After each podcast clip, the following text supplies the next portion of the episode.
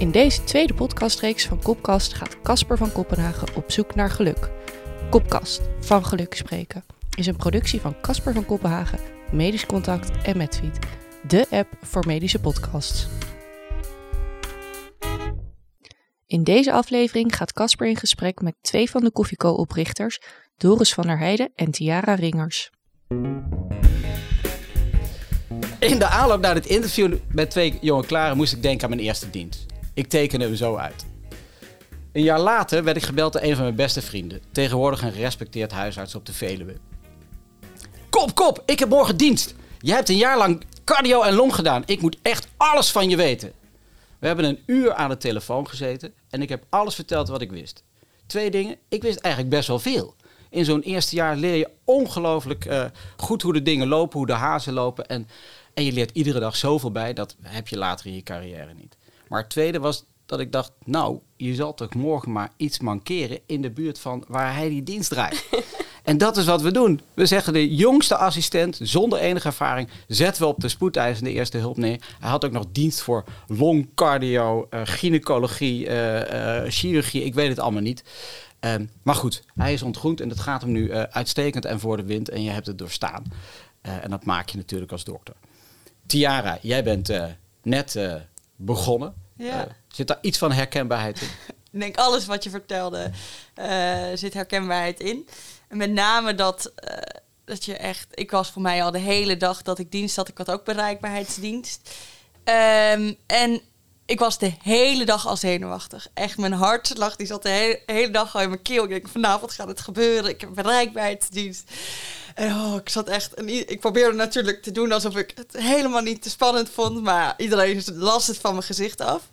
Dus uh, terwijl, nou in de, ik werk bij de urologie. Er zijn maar weinig echt spoedeisende dingen. Niet zoals bij de cardio en bij de long.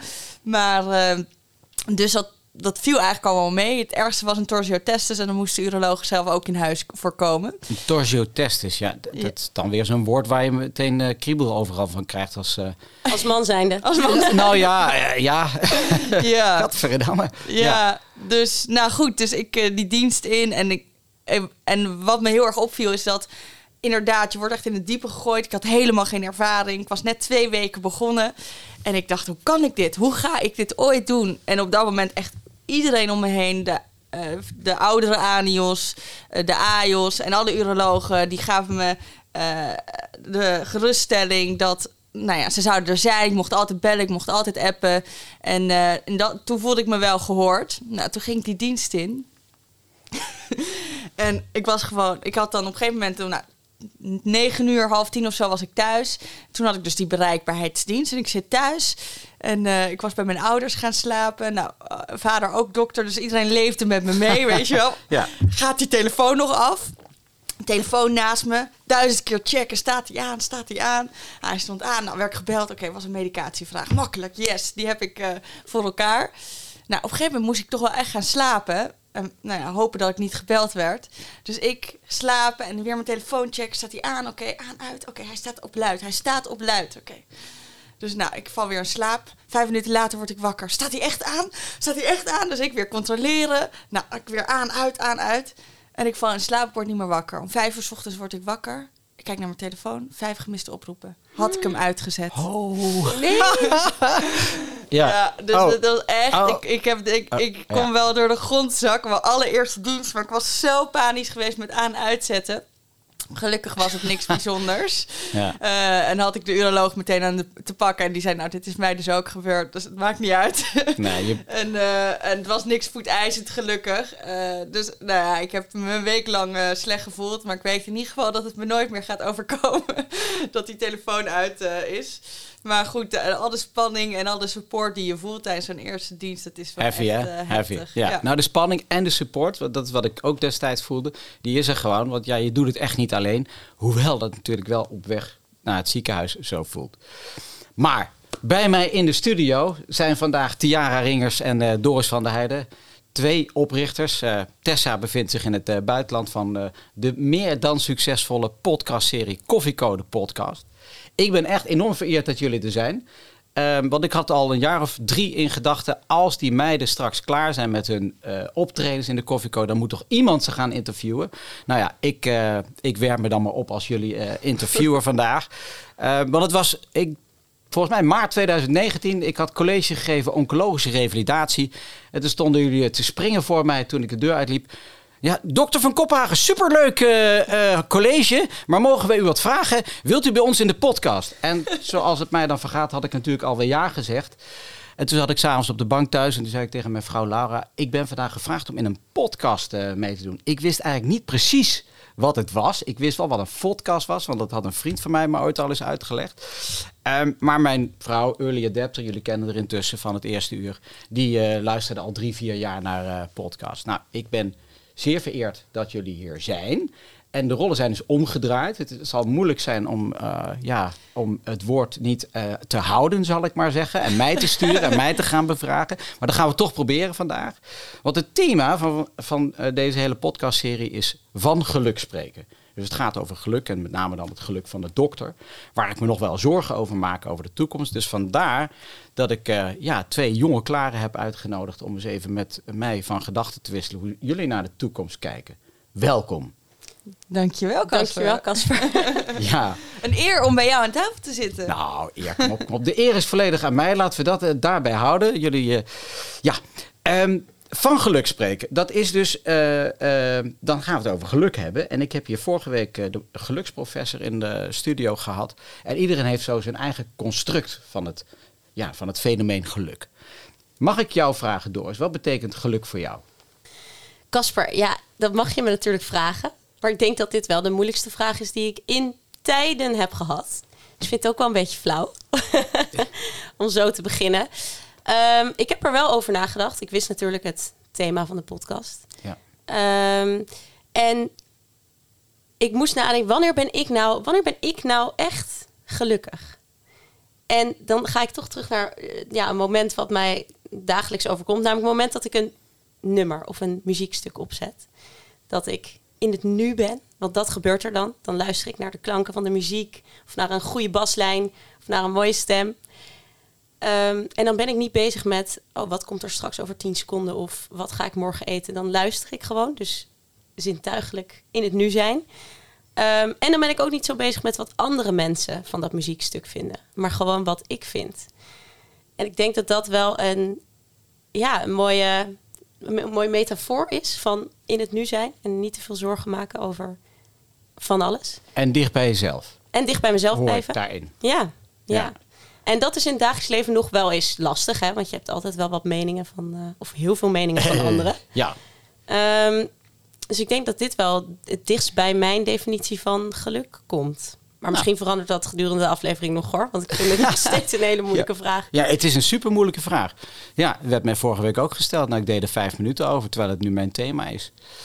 Maar ik ga hem toch ook aan jou stellen, Tiara. Wat betekent geluk voor jou? Ja, dit is denk ik de vraag van het leven, Casper, die je hier, hier jongen, stelt. jongen, en ja. dat is de eerste vraag. En ja. dat als eerste vraag. Uh, maar ja, deels sluit ik me natuurlijk ook aan bij Doris. Doris en ik zijn natuurlijk niet voor niks hele goede vriendinnen. Dus we voelen allebei uh, veel emotie bij muziek. Dus dat is denk ik heel belangrijk. Maar bij mij staat denk ik centraal dat ik kan zijn wie ik ben. En dat dat wordt gewaardeerd ook door de mensen die ik om me heen heb verzameld. Dat ik kan doen en laten ja, wie, wie ik ben. En dat andere mensen daar, ja, daar blij mee zijn en bij me willen zijn. En andersom natuurlijk ook. Ik denk dat dat voor mij geluk is. En uh, ja, als je het me nu zo vraagt. Ja, maar dat deed ik ook. Ik vroeg het je nu ook. Ja. ja en ik ga meteen met een vervolgvraag, want die is nog flauwer. Oh nee. Ja, als je vandaag de dag, want ik vraag het aan iedereen vragen en ik geef mezelf ook een cijfer. Vandaag, zoals we hier nu zitten, je gelukcijfer. Nul is echt dood en dood ongelukkig. Je zit in de oorlog in Charkov, zeg maar.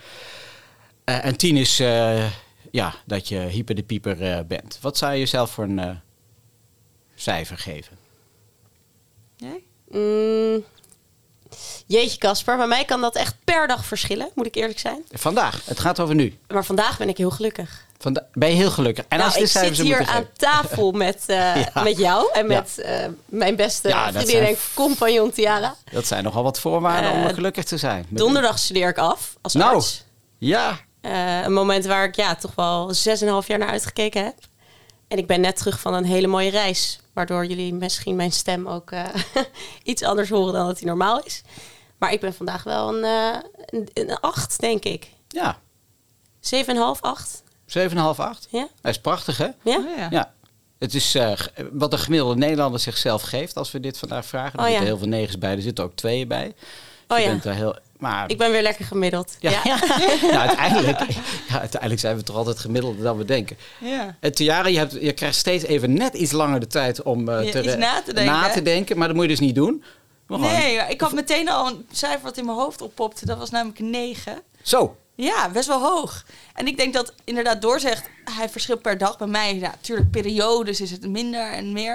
Ik zit in een super goede periode. Ik ben begonnen met werk. Ik heb een super mooie relatie. Ik heb een mooie familie, goede vrienden. En ik ben vandaag iets aan het doen wat ik leuk vind. Dus eh, nou ja, wie, ja, wie Ja. doet je wat? Ja. Dus een 9. Een 9 en een, eh, nou, een dikke 7,5 richting een eh, 8. Dan, eh, ja, dan moet ik zelf, mezelf ook een cijfer geven. Nou, ik geef deze dag ook wel een 9 min. Oh. Dat gaf ik de vorige keer ook, dus het gaat eigenlijk heel goed met mij. Eh, nou, dat hebben de mensen kunnen luisteren in mijn Kopkast-serie... dat het ook wel eens minder met mij is gegaan in mijn leven. En ik was gisteren jarig. Ik ben 52 geworden en eh, in goede gezondheid. Zondag een, eh, een leuk feestje gegeven... waar we hebben kunnen delen met veel warme vriendschappen. Dus ja, een 9 min. Die 9 min is alleen omdat het vandaag nu buiten de zon niet schijnt. Als dat nou ook nog had geschenen, had ik naar de 9 plus eh, Ja, hè? ja, dat scheelt Ja. bij mij ook wel Ja, een, ja, eh, een ja. half punt. Ja, die hoor zeker. meer. heel Ja, belangrijk. ja. Ja. Nou ja, dat is een beetje dus over het, eh, over het, over het geluk. Ehm, ik ga het zo met jullie hebben over je toekomstverwachtingen, idealen. Eh, maar ik wil toch even terug naar de basis. Kun je je nog herinneren waarom jij geneeskunde bent gaan studeren? Ik, ik begin steeds bij Doris, ja, maar, we misschien kunnen... kunnen we het een Ja. keer terugdraaien hoor. Ik kan wel Tiara. beginnen. Ja. ik denk dat er meerdere factoren zijn, zoals met alles in het leven. Allereerst, zoals ik net al noemde, is mijn eigen vader dokter. Ja, Dus dan raak, kom je er al heel snel mee in aanraking. Ik had niet meteen dat ik daarom dokter wilde worden. Maar ik had eigenlijk al heel snel iets met de zorg voor mensen. Ik vond het ontzettend interessant. En ik, ja, Doris, die kent die foto misschien. Op mijn vierde verjaardag kreeg ik al mijn eigen eerste doktersetje. Dan Ah. zou je zeggen met het paplepel ingegoten. ja. Maar ik, ik vond het gewoon het allerleukste. En ik heb veel meegemaakt in mijn jeugd. Ook veel in het ziekenhuis geweest. En ik bleef het leuk en interessant vinden. En ja, zodoende dacht ik, er is maar één, één studie die bij me zou passen. Maar die kwam niet meteen. Twee keer uitgeloot. En toen wist ik het nog zekerder dat ik echt geneeskunde wilde doen. En wat heb je in die twee jaar eh, gedaan? Ja, slap, slappe aftreksels van geneeskunde. Zoals... Nee, dat, is, dat kan ik Ja. niet zeggen natuurlijk. Maar dingen Oh, ja. die dichtbij kwamen, maar net niet helemaal waren. Zoals eh, psychobiologie. Ja, Ah ja. En kun je in die, want je kan natuurlijk al twee dingen doen. Hè? Als je vader een prachtig beroep heeft, dan kun je het tegen afzetten en juist eh, theaterwetenschappen gaan eh, Ja. studeren. Of is je vader wel een lichtend voorbeeld voor je geweest? Ja, dat denk ik zeker. Ik heb zelfs nog een podcast met hem opgenomen, omdat hij voor mij een voorbeeld is. Dus hij is zeker een voorbeeld eh, voor mij. Maar hij is wel altijd heel erg behouden geweest. Dus hij heeft nooit gezegd, je moet dit doen. Hij heeft juist ge- eigenlijk gezegd, weet je wel zeker dat je dit wil gaan doen? Want het is wel echt heel taai. Een heel lange weg eh, naar de top. Dus hij heeft je wel gewaarschuwd voor wat Ja, je te wachten ja. stond. Maar dat heb je natuurlijk niet gehoord. Nee, maar daarom lijk ik ook zo op hem. Ja, ja. Hey, en, eh, of hey, hey is voor horses, zegt mijn vrouw altijd. Maar eh, Doris, Ja. eh, hoe, zit dat, hoe zat dat bij jou destijds? Bij mij is dat wel iets anders. Eh, ik had geen eh, dokterskoffertje op mijn vierde verjaardag, helaas. Ik ook niet trouwens, nee. Ehm, Het is en- voor meisjes. Ja, hè? misschien. ik weet het niet. Ehm, en op de middelbare school vind ik, vond ik echt van alles leuk. Het hele spectrum aan vakken. Eh, Een paar uitzonderingen natuurlijk. Maar biologie stond bij mij wel echt bovenaan. Het menselijk lichaam vond ik fascinerend. Hoe dat in elkaar zat. Zo ontzettend interessant. Kan ik nog steeds, ja, kan ik nog steeds heel erg van genieten. Anatomie, fysiologie. Echt heel cool vond ik dat. Als, als puber eigenlijk. Ehm, maar ik had nooit het idee dat ik dokter zou kunnen worden of willen worden. Bij mij zitten er eigenlijk geen dokters in de familie. En mijn moeder is wel verloskundige. Dus dat, nou ja, dat eh, zorggedeelte zit er wel in. Zeker. Maar mijn vader die eh, zit in de financiële wereld, dus dat is iets heel anders. En ehm, ja, toen ik afgestudeerd was, toen dacht ik, ik wil daar wel iets mee doen met de biologie. Dus toen ben ik gezondheid en leven gaan studeren in Amsterdam. En toen kwam, bekroop bij mij het gevoel, Omdat dat inderdaad een studie is waar veel eh, mensen op zitten die eigenlijk geneeskunde willen studeren. En toen bekroop bij mij het gevoel, moet ik het niet proberen om arts te worden? Want als je nou kijkt naar het menselijk lichaam, dan is toch arts worden ja, een soort van het, het topberoep. Ehm, en toen dacht ik, nou ja, ik ga ervoor. Ik had geen natuurkunde in mijn profiel, dus dat moest ik inhalen. Eh, dus dat heb ik gedaan en ehm decentrale selectie gedaan. En toen eh, zat ik erin. Ja. Maar niet met een jarenlang doel van... ik moet mensen beter maken, ik moet dokter worden. Echt puur die fascinatie voor het menselijk lichaam. En dat ik dacht dat geneeskunde wel de studie was... Ja, waarbij je zo'n leuke combinatie hebt van, ehm, van van alles. Van theorie, maar ook van gesprekken voeren... toneelstukjes opvoeren, ehm, snijzaal. Dus ja, dat leek me erg leuk. Ja. Nou, ik vind het eh, mooi. Ik had jullie ook aangenomen destijds, zeg maar. En, en dat is trouwens wel het thema, hè? De, eh, de toelating tot de studie eh, geneeskunde. eh, ehm, en die staat ook onder druk. Er is een eh, nieuwe stroming die zegt: laten we gewoon weer gaan loten, want dan krijgen we meer gelijkwaardigheid binnen de opleiding. Eh, hoe kijken jullie eh, daarnaar? Dit is voor mij elke twee jaar zo zo'n stroming. Dan is het weer, we moeten niet gaan loten, we moeten wel gaan loten. Cyclus van het leven. Ja, dat, dat is, is en blijft zo. Voor mij is er zelfs ooit een keer een onderzoek gedaan waaruit hou, hou, als je alleen loting doet of alleen decentraal, welk percentage van de, van de studenten studeert daadwerkelijk af. En toen bleek het voor mij geen verschil te maken. Nee. Dus weet ik. Ja. ehm, eh, ja, dus zo sta ik er denk ik ook een beetje in. Ik denk dat iedereen een kans moet krijgen. En met alleen gebaseerd op cijfers eh, haal je misschien niet de beste dokters eruit. Dus daar sta ik wel eh, achter. ja. Ja, mijn eerste reactie was altijd... Ik ben natuurlijk via decentrale selectie binnengekomen. Het heeft voor mij uitstekend gewerkt. Ik Ja. heb eh, hard geleerd en toen kwam ik binnen. Ehm, dus mijn eerste reactie was altijd... Daar ben ik wel, daar ben ik wel voorstander van. Maar Omdat je vond dat je er hard voor gewerkt had. ja, omdat het misschien ja, een beetje mijn eigen bias, perspectief... Ja, dat dat voor mij goed gewerkt heeft. Maar nu ik er wat meer over praat en langer over nadenk... denk ik toch niet dat dat de beste, beste, ja, beste manier is. Omdat ik toch... Er zijn ook heel veel mensen die niet de kans hebben Precies. gekregen om zo hard te kunnen Ja. werken. Of niet de juiste omstandigheden hebben gehad. Maar die misschien wel een hele mooie dokter kunnen Ik worden. vind het ook jammer dat er zo'n groot percentage vrouwen nu in de medische wereld Ja. zit. En je weet toch van mannen dat ze een iets latere rijping hebben. Die Ja. Iets later. Ik moet nog steeds cortex. volwassen worden. Maar het is Ja, ook, hoor. Nee, maar dat moet je er ook in houden. Maar dat, dat is natuurlijk het, het tegenwicht wat we geven. Ja, de mensen Ja. die wat later in de ontwikkeling zijn, die de middelbare school of niet leuk vinden of eh, geen bal aan, om het zo te zeggen. En Ja. eh, nog niet echt precies weten wat ze willen. En er zijn er veel van. Dus ik ben Ehm, toch wel voor loting, als ik het nu zo. eh, ja, maar goed. de- ja, nou. de- eh, er is waarschijnlijk geen, geen beste oplossing, anders zou die er al zijn. Maar de discussie daarover, eh, die hebben we wel te voeren. Maar die voeren we vooral om het thema waar ik me dus zorgen over maak. Van ja, er is heel veel uitval tijdens de opleiding. Eh, Co-assistenten die Ja. burn-out raken. Nou, dat, in mijn tijd eh, was dat waarschijnlijk ook zo. Noemden we het anders eh, of werd er niet over gesproken. Eh, huisartsen die er de brui aan geven. Het is heel veel negatieve berichtgeving de laatste tijd. En daar heb je natuurlijk dan een, ja, een gezelschap van toekomstige dokters voor nodig. Die daar tegen bestand is. Kennelijk tegen dat wat we nu niet goed lijken te doen. Of denken jullie dat we het heel goed doen? Zeker niet. We lijken het niet goed te doen. nee. Misschien een beetje een bold statement, maar het is misschien wel een beetje een rotte cultuur waarin we leven als er co-assistenten al burn-out raken. Ja, Wat voor druk ligt er dan nou ja, op onze... de, de, de, de grap is, en dan stel ik me hier even kwetsbaar op, dat ik in het begin dacht van, hè? Hoezo? Je begin eens eerst eens met werken, zeg maar. Hoe kun je nou burn-out raken? Maar dat, dat is dan de, de eerste reactie van een vijftiger die ook op zijn eh lazer heeft gekregen van de generatie boven ons. Van hoe konden we het verzinnen om dat part-time, want dokter ben je, hè, is een way of living, dat doe je niet part-time. Ik heb deze week nog een eh, medisch specialist tegen mij horen zeggen. Eh, maar dat hebben wij, eh, onze generatie heeft dat ingebracht. Ehm, maar dat heb ik dus mijn eerste reactie. Hoe kun je nou als co-assistent burn-out raken? Nou, er zijn heel veel studenten die burn-out raken of somber of depressief. En zeker in de afgelopen periode met COVID. Dus we hebben onze ogen daarvoor te openen en te luisteren Ja. naar jullie. Ja, en ik denk dat het zeker niet per se alleen te maken heeft met de kooschappen en de kooschaptijden en de arbeidsvoorwaarden die natuurlijk veel beter zijn dan vroeger. Maar ik denk dat er bij onze generatie zoveel meer eh, andere dingen on the side meespelen. Heel veel ballen hoog te houden en een ja, heel hoog hoge druk, het gevoel van een Ja. hoge druk, cv-stress. Hè? CV-stress, ja. CV Ehm, bodybuilding eh, stress. ja. Ik moet zeggen, ik Ja. heb daar zelf ook wel best veel last van gehad voordat wij eh Koffieco hadden. Ja, nou, daar gaan we het zo nog wel even over hebben. Want Ja. anders gaan we te vroeg naar de koffieco toe. Ja. Maar ehm, die, eh, je, ik had toen, we hebben toen ook gesprekken daarover gevoerd. De indruk dat het ook van intern komt. En dat is als je een bepaald type mensen toelaat tot, eh, tot de geneeskunde-studie, die allemaal streberig hoge cijfers eh, willen halen.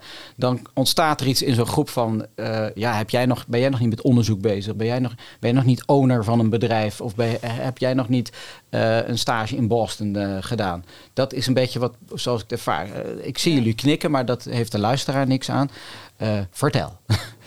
Dat is ook hoe ik het heb ervaren. Ja, hoor. Ook zeker. eh, in de bachelorfase van de studie, de eerste drie jaar, eh, daar was dat al wel gaande. Ik kan me nog een werkgroep herinneren in mijn tweede jaar, eh, waarbij een chirurg de werkgroep gaf en die zei: ja, als je chirurgie wil doen, moet je nu wel beginnen met profileren.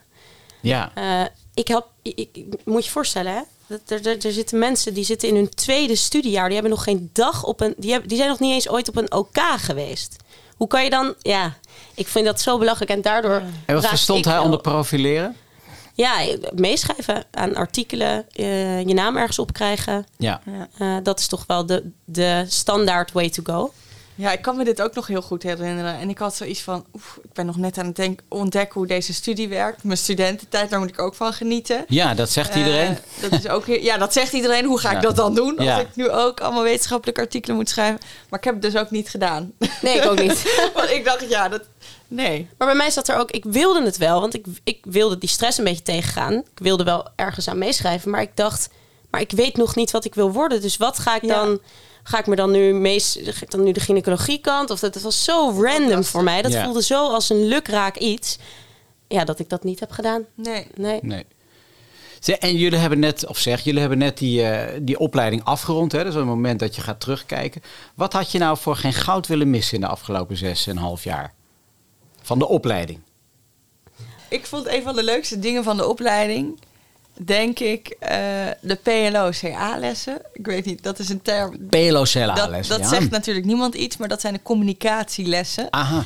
En dat was voor mij vrij nieuw toen wij net begonnen met de studie. Althans, was er misschien nog een paar, jaar, een paar jaar. En dan komen er dus echt acteurs waarmee je dus eh, gesprekken moet voeren. Dan wel een slecht nieuwsgesprek. En ik vond het echt geweldig. Ik heb echt...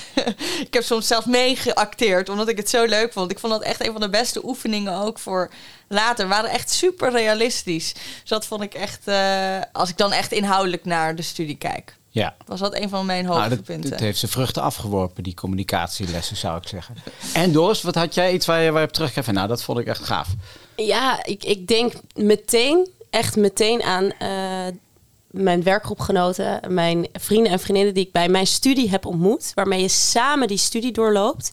Dus tot twaalf uur in de bibliotheek studeren voor een tentamen over de nefrologie of zo. Echt verschrikkelijk moeilijke eh, stof. Ik, ik begrijp het nog niet, maar Nee, precies. we hebben gelukkig hele slimme nefrologen voor. Eh, tot met elkaar eh, inderdaad lichamelijk onderzoek op elkaar oefenen. Je, je maakt dan als geneeskundestudenten, denk ik, heb je toch wel een hechte band. Of ja, creëer je een hechte band omdat je zoveel tijd met elkaar doorbrengt op theoretisch, op praktisch, op communicatief vlak. Dus die banden die ik tijdens mijn studie heb gevormd met andere geneeskundestudenten. Ja.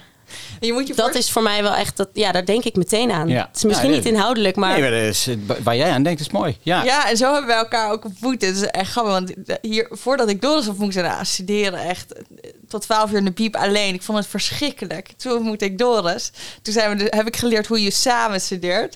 Nou, dat was echt, dat was eigenlijk best wel leuk. Ik vond studeren opeens leuk. En we, we overhoorden elkaar. Of dan stonden we even in de Albert Heijn nog wel eten te halen tussendoor. En dan vroeg ze me opeens, wat is dit en dat en dat? En dan, dan wist ik het. En dan sprong je allebei een gat in de lucht. Tiara, nu het antibioticum voor een Ja. eh, ongecompliceerde urineweginfectie. Nu.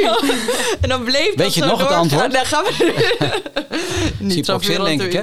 Maar eh, Ongecompliceerd. dit tezijde, ja. Ja. Nitrofurantoïne? Voor Ja, ongecompliceerd. nitrootje. Ja. Ja. Nitrootje, toch? Het is Ja. haar vak. Ja. Ja, elke, elke dag schrijf ik ze voor. Ja. Nou, dat mag eruit, eh, maar, maar ook dit stukje. Nou, dat is wel leuk. Maar ehm, ja, dus je eh, ik weet meteen iets wat nou ontzettend leuk was. Wat had je wel willen missen? Wat je echt een kiespijn van gekregen hebt, zeg maar.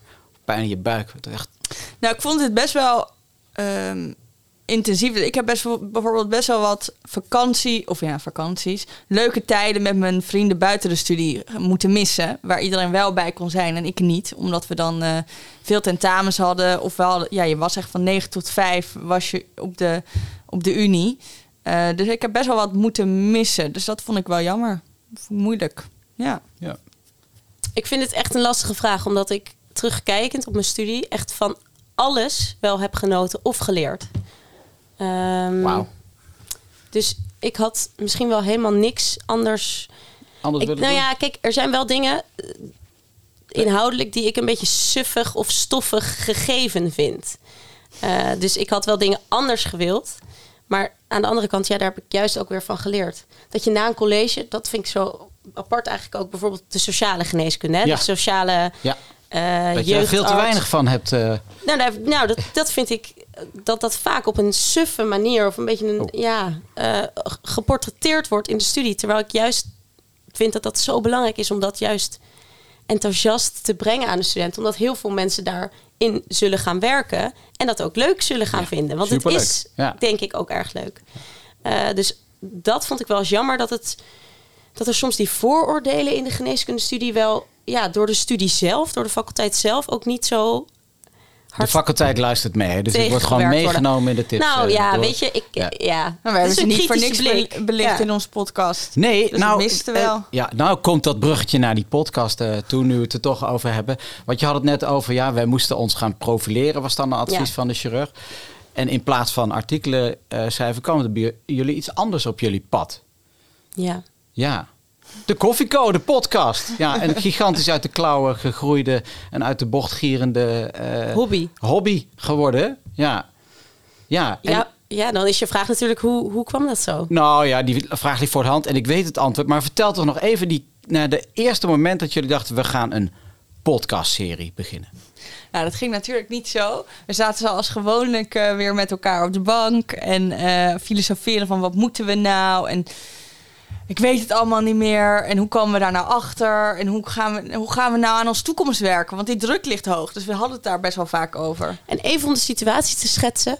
eh, we hadden allemaal net ons eerste eh, junior kooschap achter Oh, de rug. Ja, Dus we, waren, al- we hadden geproefd van de kliniek. We Ja. waren een, een paar keer op de OK geweest. Wel op een interne zaal eh kooschap gelopen. Junior kooschap. Echt wel heel groen meekijken.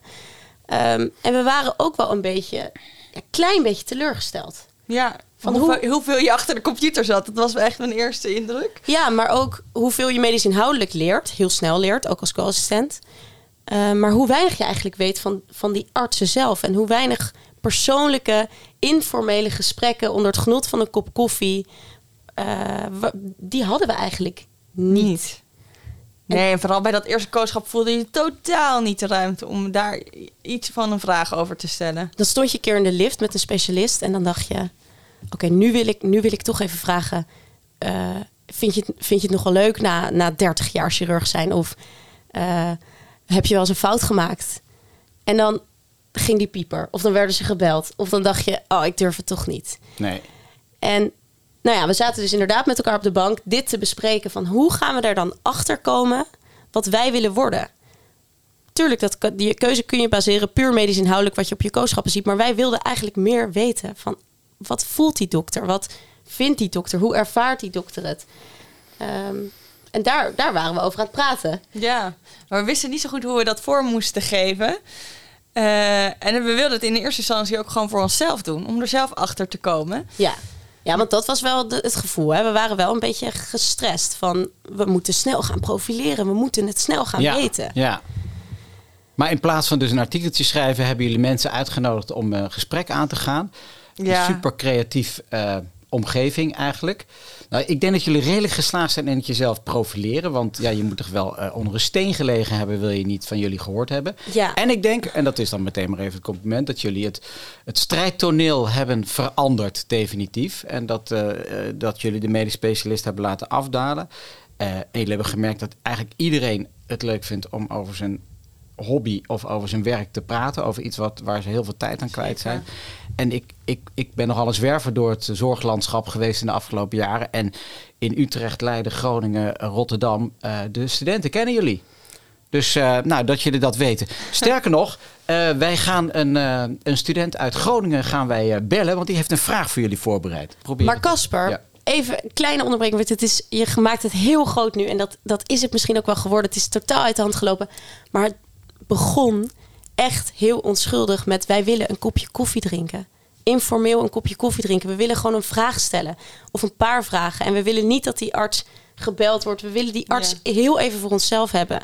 En laten we dat dan misschien gaan opnemen. Want weet je, het begon niet van we gaan ons eens even lekker profileren en we gaan het eens schoonmaken. Oh, sorry. Dan misschien dat ik dat. Uh, nou ja, nee, ja. Dat, ik vind het heel fijn dat jij mag het zo over ons praten. Dat vind ik alleen maar heel vlijend. en daar ben, ik, daar ben ik ontzettend blij mee. Maar zo begon het natuurlijk niet. Het begon zo intrinsiek en onschuldig van misschien is dit een goed idee. Moeten we het doen? Moeten we het niet doen?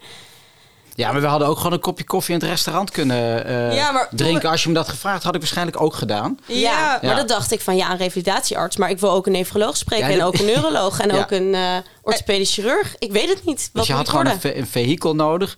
En ik denk dat de mensen gewoon ook wel getriggerd waren door het, nieuwe fenomeen podcast. Wat is dat dan? De, spannend. Het is toch anders als je zo'n microfoon voor je... Ja, maar die microfoon is er ook pas bijgekomen. Op het moment dat we door hadden, we gingen het een beetje bij sommige mensen peilen van wat vind je van dit idee? En toen bleek dat die vraag zo groot was. En daarom zijn we het op gaan nemen. Niet omdat we merkten, dat is oh, het is niet alleen voor onszelf, maar het is ook voor andere mensen.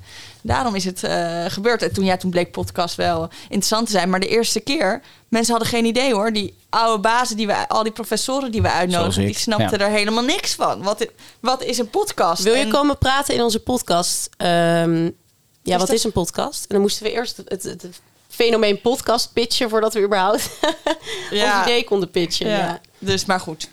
Maar er waren een paar early adapters. Uh, die, uh, Gelukkig. ja. we, we, gaan kijken of we Jip kunnen uh, inbellen. inbellen.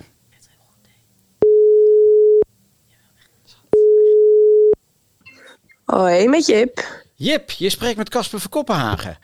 Van hoi. de podcastserie Kopkas van Geluk Spreken. Hoi, hoi. Wat ben je aan het doen? Ben je aan het studeren of ben je in de collegezaal? Uh, ik ben aan het studeren nu. Je bent aan het studeren. En welk vak? Uh, ik ben uh, bezig voor verteer en verweer. Verteer en verweer. Nou, dat is een vak uh, waar, waar, wat ertoe doet, zullen we maar zeggen. Nou, dan ga ik het kort houden. Weet je, weet je wat ik aan het doen ben? Ik ben een interview aan het houden met de oprichters van Koffiecode Podcast. Tiara Ringers en Doris van der Heijden. En ik heb gehoord dat jij een behoorlijke fan bent van dit programma. Ja, dat klopt zeker. Ik moet nog maar uh, vijf afleveringen en dan heb ik alles geluisterd van ze. Vijf van de honderd en nou, tien zijn het er inmiddels, geloof ik, hè? Ja, dat klopt. Ja, oké. Nou, dan, eh, maar dat is echt wel extreem. Want ik ben ook wel, ik beschouw mezelf ook wel als een fan, maar ik heb er toch wel een paar overgeslagen op enig moment. Maar dan zit je al dik boven de 100. Nou, en daarom dus aan jou de eer om een, uh, een vraag te stellen aan de dames. Ze zitten dus hier in de studio, ze kunnen je de vraag horen. Jij kan niet hun antwoord horen, maar daar, uh, dat lossen we wel op. Um, brandlos zou ik zeggen. Nou, ik had de volgende vraag. Want na het luisteren van al jullie podcasts hoorde ik altijd dat jullie de specialisten vragen hoe zij kijken tegenover de hiërarchie en de verhoudingen in het ziekenhuis en hoe ze dat zelf ervaren hebben. Um, en ik vroeg me af, omdat jullie het altijd vragen, of jullie misschien daar zelf ooit een keer een nare ervaring mee hebben gehad. Of een mooie ervaring. Of een mooie ervaring, dat kan ook juist inderdaad. Oké, nou ik, ik neem die vraag uh, zeker mee.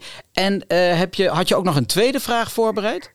Ja, dat klopt. Uh, ik had, mijn andere vraag was naar aanleiding van jullie nieuwe um, special die jullie hebben gehad, arts of toch niet. want ik vroeg me af of jullie misschien ook wel eens getwijfeld hebben om wel of geen dokter uiteindelijk toch te worden. En misschien mogelijk iets te doen met de richting van podcasts maken. Ik denk een hele logische vraag uh, die ze uh, zeker kunnen eh, beantwoorden. Nou, ik vind het twee leuke vragen. We gaan ermee aan de slag. En uh, Jip Bremer uit Groningen, bedankt voor deze vraag. Yes, dankjewel. Doeg. Doei doei.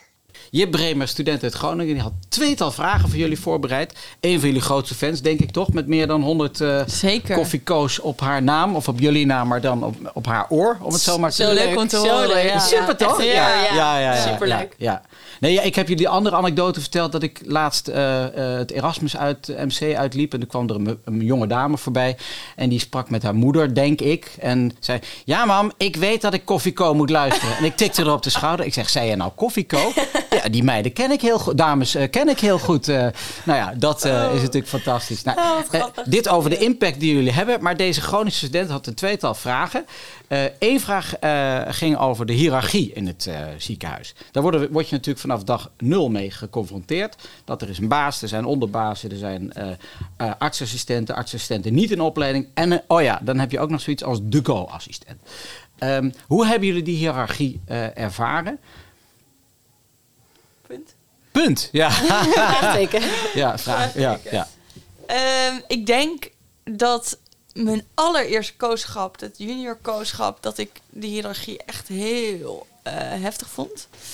Dus dat is ook de reden waarna, waarna we Koffieco zijn gestart. Of althans, niet de reden, even opnieuw. Daarna zijn we ook Koffieco gestart. Omdat we merkten inderdaad dat die hiërarchie zodanig aanwezig was. Was natuurlijk ook meteen te- tijdens mijn chirurgiekooschap. En ehm, als groentje tijdens het chirurgiekooschap, dat was wel eh, voelbaar, de hiërarchie.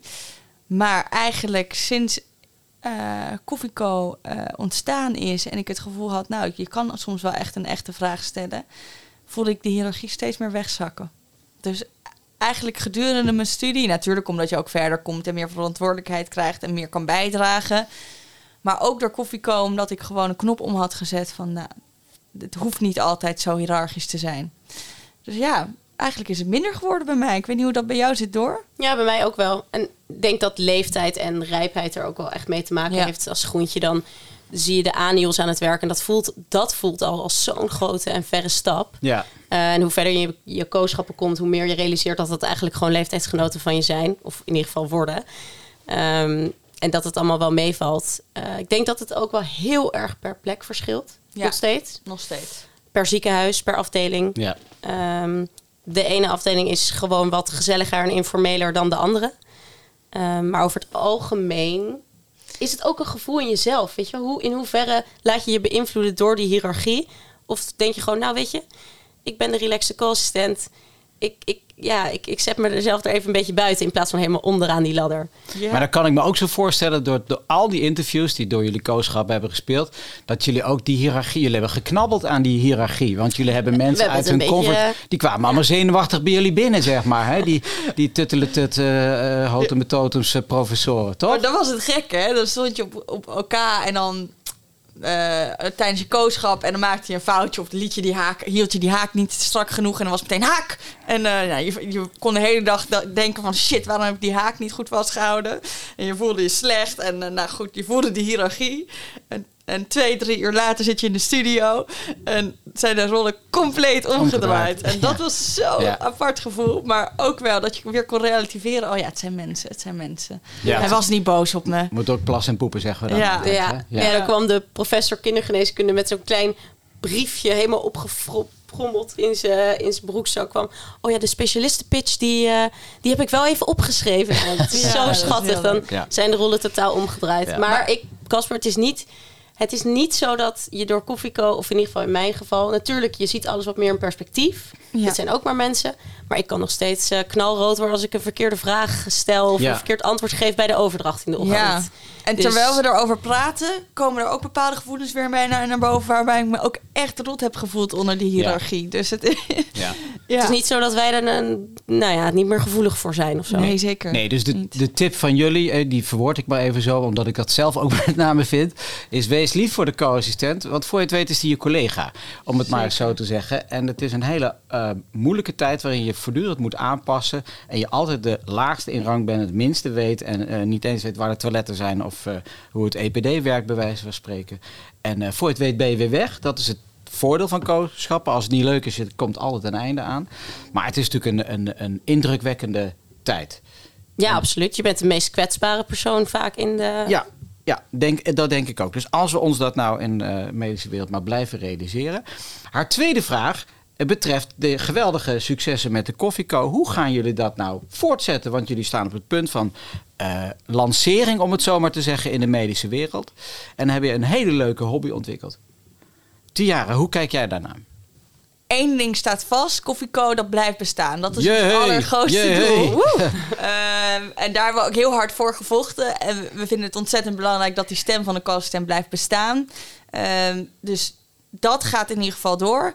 En als ik dan naar mezelf persoonlijk kijk, dan weet ik het nog niet heel goed. Ik denk dat ik me nu volledig wil focussen op mijn, eh, op mijn werk en even echt dokter worden.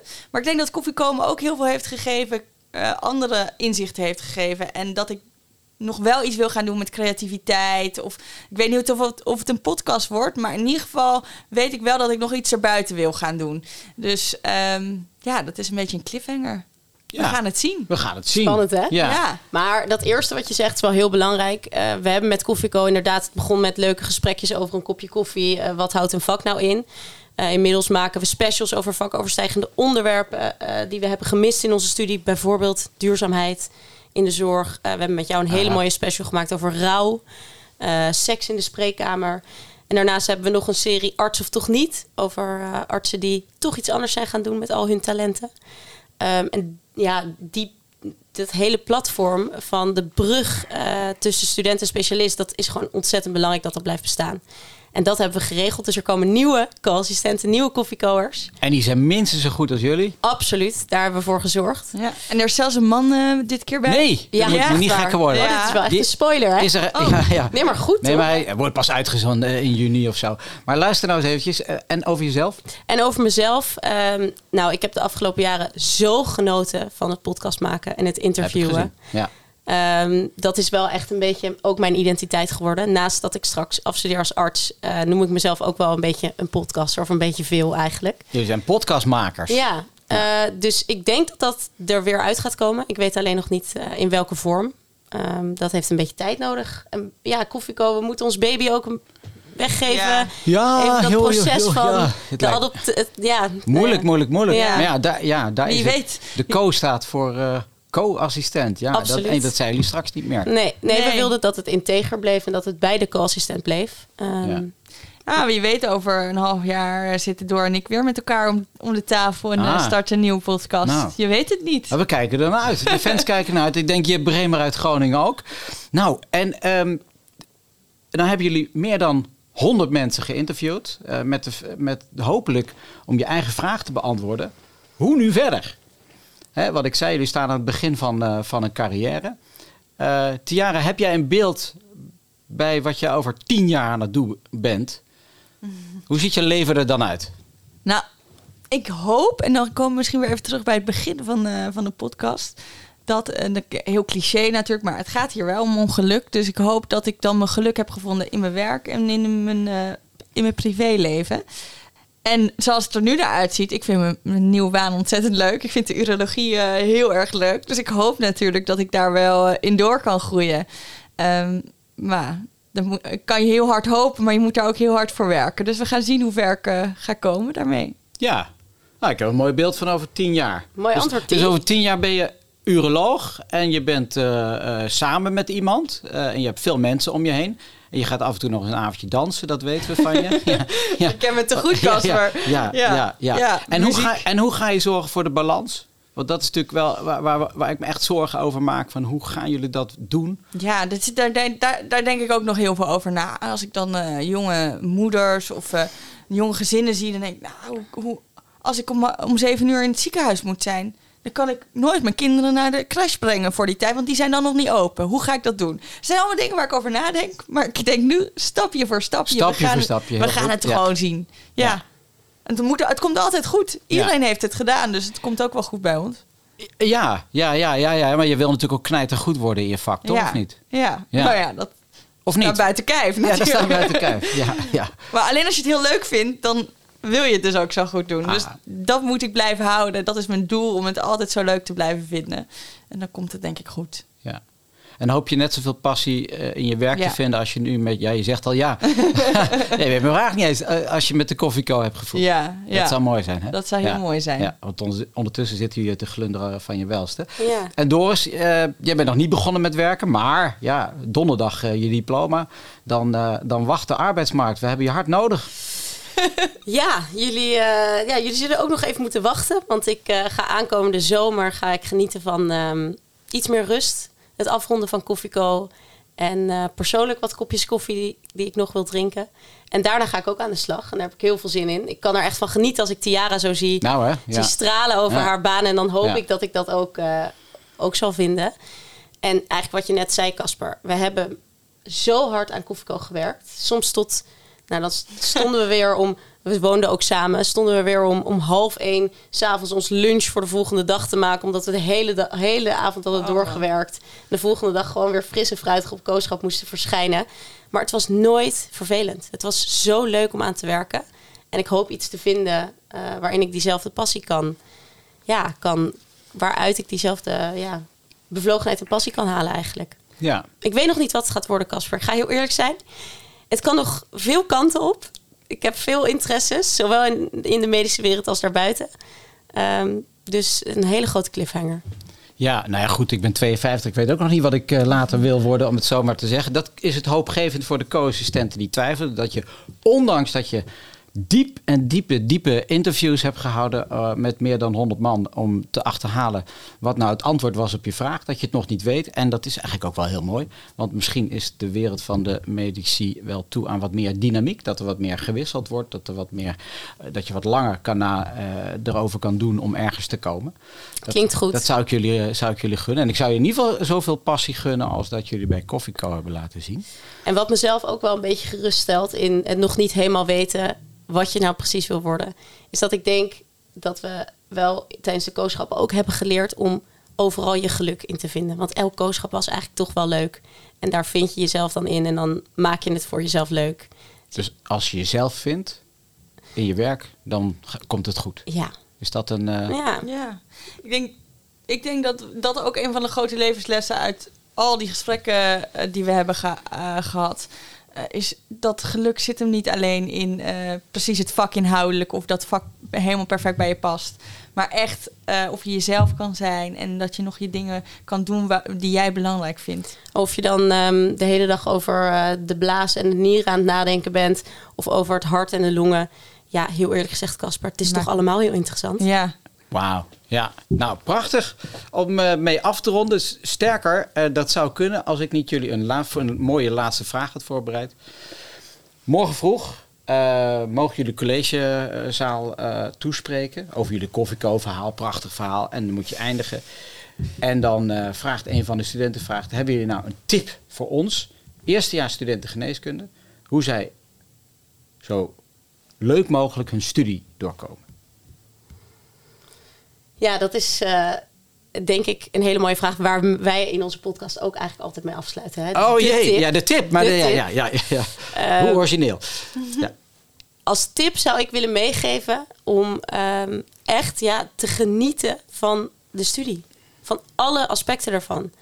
Hoe, ik denk soms ook wel eens, ben ik zenuwachtig voor een tentamen. En dan denk ik, straks als ik oma ben, ik zit in het verpleeghuis. Dan denk ik, kon ik die spanning maar weer eens voelen. Gewoon genieten van elk moment, van je kooschappen. Van dat je overal mag kijken, zonder verantwoordelijkheden. Of in ieder geval weinig verantwoordelijkheden. Ehm, dat is denk ik mijn tip. En laat je niet gek maken door die cv-stress. Doe iets wat je gewoon super leuk vindt.